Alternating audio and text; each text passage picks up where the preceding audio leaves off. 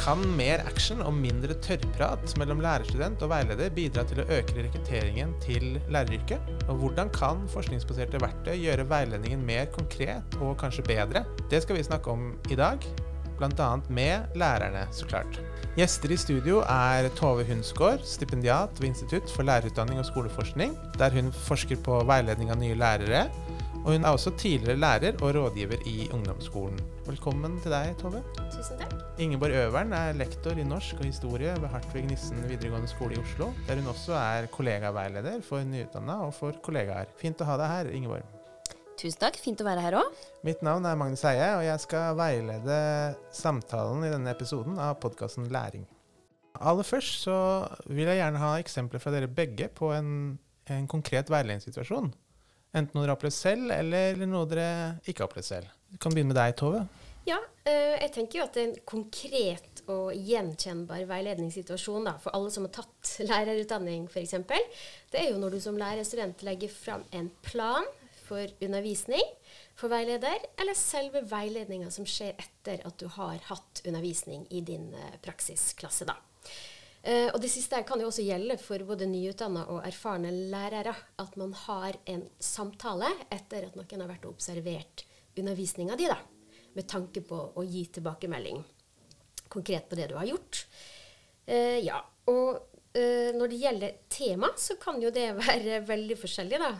alt etter om på en måte fagstoffet har passende nivå for elevene i klassen, og kanskje ganske ofte om klasseledelsessituasjonen da, i din undervisning. Ja, Og Ingeborg? Nei, Jeg syns jo det er veldig forskjellig om det er veiledning av eh, praksisstudenter, eller om det er eh, kollegaer eh, jeg snakker med. Men jeg er jo enig med det Tove sier her, at det er jo ofte planlegging mange studenter syns er vanskelig. Altså, hvor skal man begynne? Planlegging er noe av den mest komplekse aktiviteten vi holder på med, for ting skal differensieres. De skal òg kunne, ikke minst, alt fagstoffet sjøl. Altså at de skal lære seg selv fagstoffet, og lære om hvordan de skal lære det bort.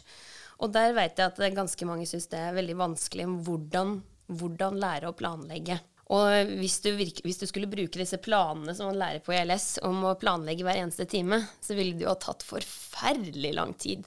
Det er jo ikke bærekraftig det når du kommer ut i jobben etterpå og skal da sitte og skrive en sånn plan eh, for hver eneste time. Det ville ingen av oss hatt kapasitet til. Så det er liksom det å lære seg verktøyet og bli mer og mer selvstendig til du ja, rett og slett kan planlegging, da. Kan flere metoder. Det er det veldig mange som eh, sliter med.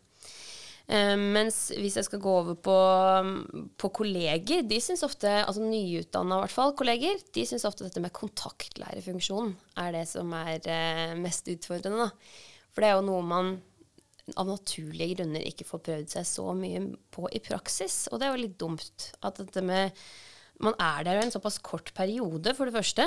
Og man får kanskje ikke den derre eh, Rett og slett holde, danne en relasjon eh, med elevene på samme måte som det en kontaktlærer gjør. Og så er det noe med det etiske ved det. At du har ikke nødvendigvis Du får ikke gjennomført disse utviklingssamtaler, personlige samtaler, som er noe av det viktigste i relasjonsdanninga.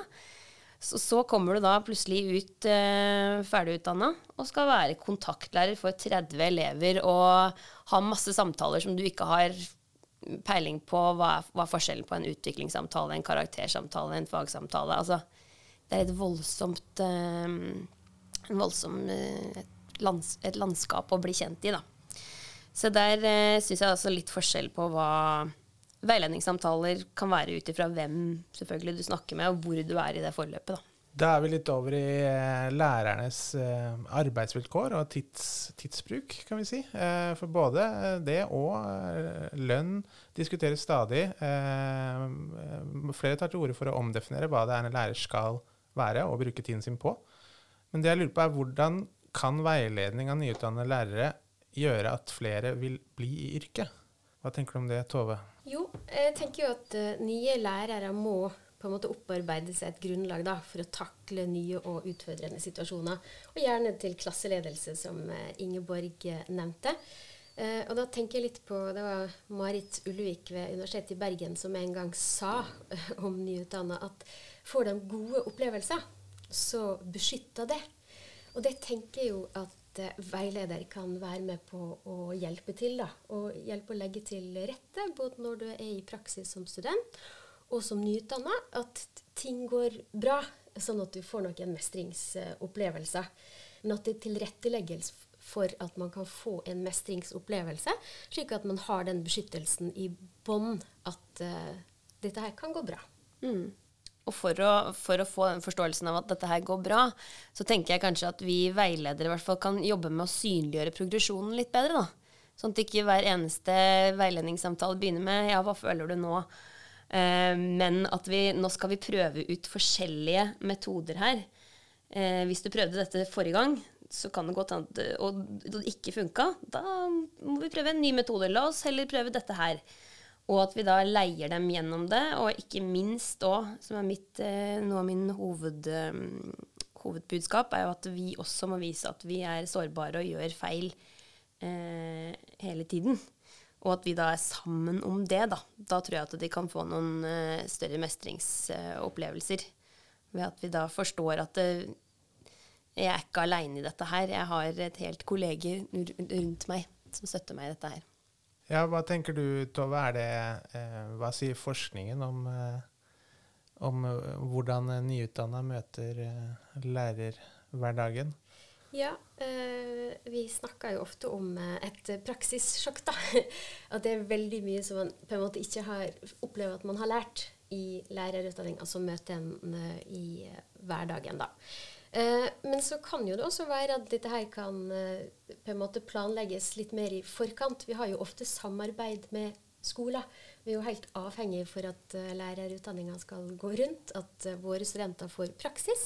Og da har vi ofte partnerskoler eller tettere samarbeid med universitetsskoler, der man også kan avtale og få klarhet i, gjennom dialog. da. Altså hva gir vi dem på campus, hva får man i uh, lærerutdanninga?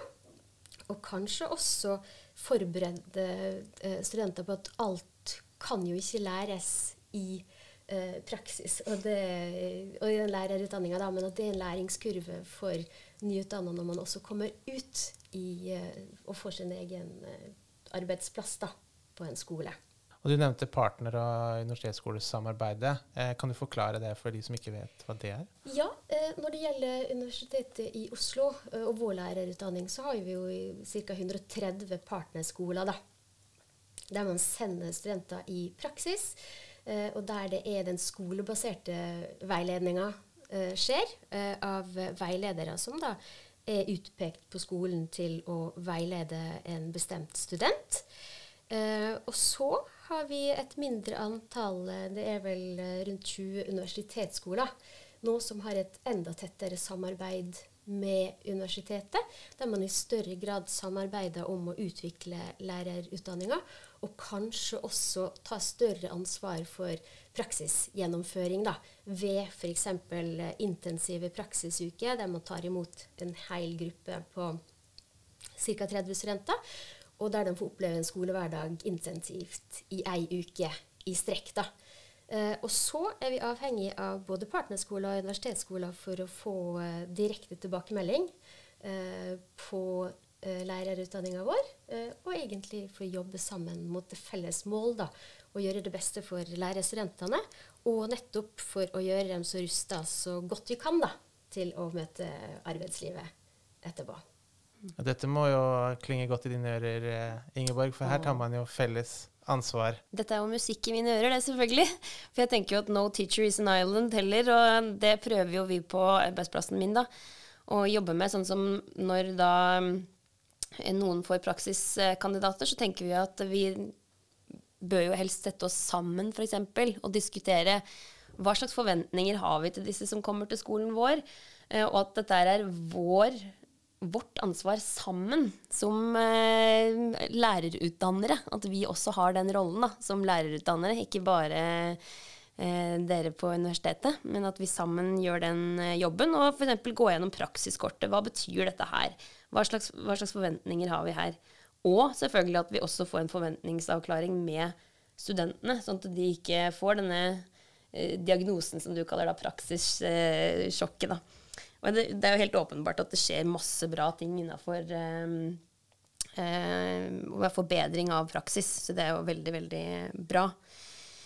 Men eh, når, jeg tror det spørsmålet ditt var på en måte hva skal til for at de blir i skolen? Var det ikke ja. det du begynte med? Ja. Eh, og da tror jeg selvfølgelig en ting er praksisen. At vi må snakke litt om den. Eh, forventninger de har, vi har, etc. Klargjøre det.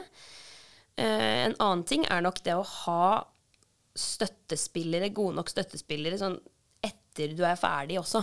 Altså denne, jeg for eksempel, jeg ringer jo stadig vekk eh, til søstera mi, som ikke engang er lærer, eh, for å få eh, støtte og tips og sånt type ting. Få feedback, da. Og det tror jeg Det å få nok feedback underveis fra andre personer som helst da er lærere, hadde vært en god eh, et godt tiltak da, for at flere vil bli i uh, yrket. Så en ny, en ny lærer eh, trenger mye støtte? Absolutt. Ikke bare nye lærere, vi alle trenger det. Og kanskje da spesielt selvfølgelig nye lærere. Ja, jeg tenkte jo litt på altså, mentorene, da, eller de som skal være veiledere for de nye. Uh, og hvem som veileder dem. Hvem er mentor for mentorene? Uh, og skolen som organisasjon har jo også et ansvar for å tilrettelegge for nye lærere. Eh, og i eh, NOU-en 13 i 2022 fra i fjor, så anbefales det jo at man ser på et helhetlig system både for kompetanse og karriereutvikling i barnehage og skole. Eh, og det gjelder jo både for eh, altså dem som har jobba lenge, og dem som har jobba kort. Eh, når det gjelder de nyutdanna lærerne, eh, så snakker man om et introduksjonsår for nyutdanna lærere. Eh, og et sånt år da, kan jo i tillegg til veiledningssamtaler da, være at det gis tilstrekkelig tid til utvikling som ny. Og ikke minst det du var inne på i sted, altså det at man får støtte fra ledelsen hvis man skal utvikle seg både som mentor og veileder. At det legges til rette for nettverksmøte, observasjon av andres undervisning og kollegasamarbeider. Så da snakker jo vi om en veiledning som også handler mer enn å sitte bare og snakke litt sammen eh, i sofaen da, på personalrommet. Enten det er timeplanfesta eller ikke. Ja, Tove, du og forskerkollegaene dine forsker jo og utvikler eh, verktøy som kan brukes i veiledning av nyutdannede lærere og av lærerstudenter. Eh, kan ikke du forklare oss hva går eh, noen av disse verktøyene ut på? Eh, da kan jeg godt gi to eksempler. Eh, og Det ene er det som egentlig er det første verktøyet man møter, enten som nyutdanna eller som eh, lærerstudent. Det er en beslutningssimulator som man går inn på på nett, og der man møter da et scenario som utfordrer en som klasseleder. Eh, og så gjør eh, eh, student eller nyutdanna en rekke valg, eh, og på basis av den valgene så får man ut en profil da, som kan være utgangspunkt for eh, diskusjon. Dette er jo kjempefint. Jeg har prøvd det også i praksis, eller med praksisstudenter. Det som er så bra med beslutningssimulatoren, er at eh, jeg har hatt to lærerstudenter f.eks. som har gjennomført den. Og da fikk de noen skikkelige aha-opplevelser om Oi, er det sånn her jeg er? Eh, er jeg denne klasselederen her? Jeg tror jeg hadde et helt annet inntrykk av meg selv enn det resultatet viser. Og derfor fikk de da veldig noe håndfast som gjorde at vi fikk på en måte mye fortere en god samtale enn det vi ville ha fått hvis vi skulle gått gjennom alles observasjonsnotater først. Og så er det selvfølgelig ikke sånn da, at uh, jeg måtte jo da si nei, det er jo ikke bare sånn du er. Du har jo veldig mange sider. La oss gå over til eh, noen spørsmål som også er en del av verktøyet. Eh, som får oss til å reflektere over hvorfor man fikk akkurat de resultatene. Så det er ikke bare sånn personlighetstest, på en måte. Det er faktisk eh, et godt verktøy i veiledning, sånn som jeg opplevde det. Det høres også litt uh, ubehagelig ut å få den type tilbakemelding, men uh, hva er din erfaring med det? Absolutt, men all, jeg har også lært at all læring er jo litt ubehagelig. Det er sjelden at jeg har lært noe nytt som uh, var bare helt easy-peasy og deilig å lære. Så eh, Det er jo derfor vi også skal ha veiledning, for at du da har en, eh, en støttespiller, da, en mentor som holder deg i hånda mens du gjør alle disse skumle tinga som er ubehagelig. Så mm, jeg syns det faktisk det ubehaget er så viktig å få til, da. Mens vi kanskje ikke Noen av de andre observasjonene, da, da har vi ikke lyst til å kommunisere det som er ubehagelig til studenten. Og der hjelper verktøyene oss litt, da. For da slipper vi på en måte å kommunisere det vi ikke har lyst til. Ja, Så forskerne kommer til unnsetning her. Men uh, hva, hva, tenker du, Tove? Det er jo sånn at uh, man, man, får en profil på den beslutningssimulatoren, da, så er jo det et utgangspunkt for diskusjon. Det er jo ikke en kartlegging av hvordan du er, da, men du får en idé eh, om det. Og så er nettopp sånn som Ingeborg sier, at eh, det at vi har en veileder der med sitt skjønn og kan ramme dette her inn For verktøy i seg sjøl er jo ikke et veiledningsverktøy. Veiledninga skjer jo i samspillet mellom uh, student eller nyutdanna og uh, veileder. da. Det er en måte å få i gang samtalen ja, på? Ja, så det er samtalestarter. Ja, og så kan jeg jo definere det, eller komme med en presisering på at um, det er jo ikke sånn at det er noen resultater du ikke skal få. Uh, for eksempel, det er fire lærertyper der som på en måte alle er kan være like bra. Det er jo bra at vi har forskjellige lærerstiler, men det er i hvert fall en måte, et utgangspunkt for samtale, da. Som jeg syns fungerte godt. Ja, det jeg lurer på, er eh, hva er det egentlig som er nytt med å bruke disse verktøyene, kontra den kanskje mer tradisjonelle måten å veilede på, eh, som vi snakket innledningsvis om. Eh, hva føler du nå? Altså, hva, hva, er det som skjer i veiledningen når man bruker Dere har vært litt, litt inne på det, men kan ikke du mm. utdype det? Tove? Ja. Uh, de fleste som har hatt, eh, vært som lærerstudent, har jo den uh, opplevelsen av at man kommer til veiledning, og så kan veileder da spørre ja, hva føler du nå, eller hvordan opplevde du undervisninga? Og så starter man der. Uh, nå, med disse verktøyene, så har man, som Ingeborg nevnte, man har jo et konkret utgangspunkt å begynne på. Så da kan det hende at man hopper over hva føler du nå, men la oss se på, eh, på en måte resultatet ditt fra beslutningssimulatoren, eller la oss se på videoen din, eh, som er også et verktøy, videoverktøy. Hva ser vi her, da? Eller eh, enda bedre når det er eh, lærerstudent eller nyutdanna, da for det er et poeng med disse her eh, eh og videoen. Den er på en måte i den som skal veilede sitt personlige eie. Du velger sjøl om og hva du vil dele. Da. Så det er ikke noe som noen får tilgang til uten at du vil dele, og at du ønsker å bringe det til veiledningssituasjonen. Men da har du på en måte også, når du eier disse data, så kan du også starte samtalen ved å vise det til veilederen din eller medstudenter. Eh, og da har man noe konkret å gå ut ifra, som gjør, som Ingeborg nevnte i sted, da går man kanskje rett på det, istedenfor å ta en lang innledende runde om hva man opplevde og følte i eh, undervisning. Da. Så det har eh, en tendens, sammen med veileder og med eh, samtalemaler til å kunne endre litt formen på samtalen. Fortell oss om evalueringsskjemaet. Ja, det er jo et eh, tilbakemeldingsverktøy eh, som vi har utvikla. Og der er det slik at eh, student eller nyutdanna lærer Eh, kan på en måte evaluere seg sjøl eh, på sju ulike kompetanser eh, som lærere eh, skal kunne. Det handler om klasseledelse, det handler om omsorg for eh, elever. Det er å ta hensyn til eh, elevenes ønske og kunne gi innspill, f.eks. Eh, så tar da den uh, lærer studenten å evaluere seg sjøl på en skala fra 1 til 7. Og så får klassen eh, samme skjema og kan gi tilbakemelding på samme punkt, anonymt, vel å merke, i klassen. Og så får man ut da en sammenstilling av disse her eh, resultatene. Og der kan man gå inn da som lærerstudent eller nyutdanna sammen med sin veileder. Og så kan man se på hvor det er samsvar mellom eh, lærers eh, opplevelse og elevene. Og så har man utgangspunkt for en samtale på styrker og svakheter i eh, lærerens undervisning. Ja, og Det som er så fint med det verktøyet, der er at det, vi opplever jo dette her som lærere også, at vi blir evaluert når du kommer ut i yrket. da. Men det som er da forskjellen, er jo at da er det kanskje med sjefen din. At du skal ha en, en form for uh, medarbeidersamtale, f.eks.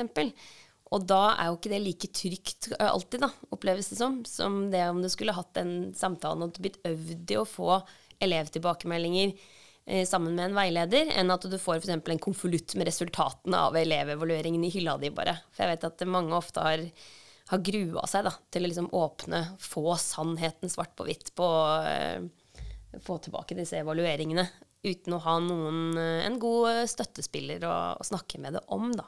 Som kan være med og tolke det sammen med deg. Blir rett og slett veiledet gjennom uh, ja.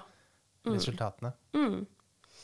Så det syns jeg høres veldig, veldig bra ut. Det er, jo, det er, jo, superfint at vi har alle, fått alle disse verktøyene som kan hjelpe oss i veiledninga, men Eh, nå har jo ikke vi nødvendigvis tilgang til det, eller hvordan er dette her igjen, Tove? Nei. Eh, enn så lenge så er ikke det tilgjengelig for alle. Men det å, å, tenke på ting man har tilgjengelig som et verktøy som kan hjelpe en i veiledning eh, Alt fra det du nevnte tidligere i dag, det med at du har et, kanskje et praksiskort, eh, og du kan bruke video eh, tillatelser og alt som har med det å gjøre, kan man ordne lokalt på skolen, vil jeg tro. Men å bruke video for å analysere egen og andres undervisning i fellesskap, det tenker jeg er en sånn ting som eh, lærere kan gjøre, uavhengig av å få tilgang til, til eh, verktøyene ja. våre. Da. Ja. Mm. Det er enig. Og så bruker jeg en bok som Cato Bjørndal, som har skrevet den konstruktive hjelpesamtaler. Og den, også, den er veldig praktisk, så den har jeg brukt også flere ganger, som er veldig tydelig på mange forskjellige verktøy eh, vi kan bruke som veiledere. Da. Så konstruktive hjelpesamtaler var den eh, litter litteraturtips fra min side. Eh, og da tenker jeg kanskje det handler om noe som ligger litt sånn i bunnen her òg, da. Eh, mange kan jo bli litt sånn avskrekka hvis man bruker ordet verktøy. Men det er jo et uh, hjelpemiddel. Det er jo tenkt uh, for å kunne gjøre samtalen litt bedre, og kanskje gi mer struktur, da. Fordi at det som når jeg har sett på samtaler mellom veileder og studenter med uh, verktøy, så er jo tilbakemeldinga fra studenter at det gir struktur til samtalen. Det er så mye som skjer i undervisninga, mye å ta tak i. og Derfor kan det være godt at det fins en struktur for samtalen, og at det er et sted å begynne, istedenfor å få et veldig åpent spørsmål eh, som 'Hva føler du nå?' Eh, der du kan begynne egentlig hvor som helst. da. Så det gir struktur til samtale. Mm. Vi må gå inn for landing, eh, men helt til slutt så eh, vil jeg gjerne at dere to kan gi noen råd til veiledere både til veiledere som har holdt på en stund, men også ferske veiledere. Så kan vi begynne med deg, eh, Tove. Hva vil du råde veiledere ja. til? Ja, eh, Da tenker jeg at eh, ofte når man blir valgt som veileder eller mentor, så blir man eh, kanskje valgt fordi man er god å undervise og er en dyktig lærer. Så jeg vil bare at man skal tenke åpne for at én ting er å undervise elevene sine, men man skal være litt bevisst på at uh, den som er i eh, lærerutdanningens praksis og kommer som nyutdanna, er jo uh, mer for en kollega og en voksen å regne, som kanskje har andre behov da, enn elever. Og at man har det litt sånn bak øret når man begynner å veilede. Mm. Jeg tenker at det er viktig å vise sårbarhet, altså vise at man syns ting er vanskelig. Jeg kommer ofte til mine nyutdanna kolleger eller eh, praksisstudenter og viser åh, dette her syns jeg er vanskelig, denne casen her, hva syns du? Eller viser at også jeg tar eh, feil, gjør ofte mye feil. Eh, en annen ting kan være å ha veldig tydelige forventninger. At vi snakker om hvordan forbereder Hva forventer du av meg? Hva trenger du av meg? Hva skal jeg gi deg? Hva, hva forventer vi av forberedelse f.eks. For til disse veiledningssamtalene vi har? Det tror jeg er veldig fint å gjøre. En tredje ting er eh, samarbeid.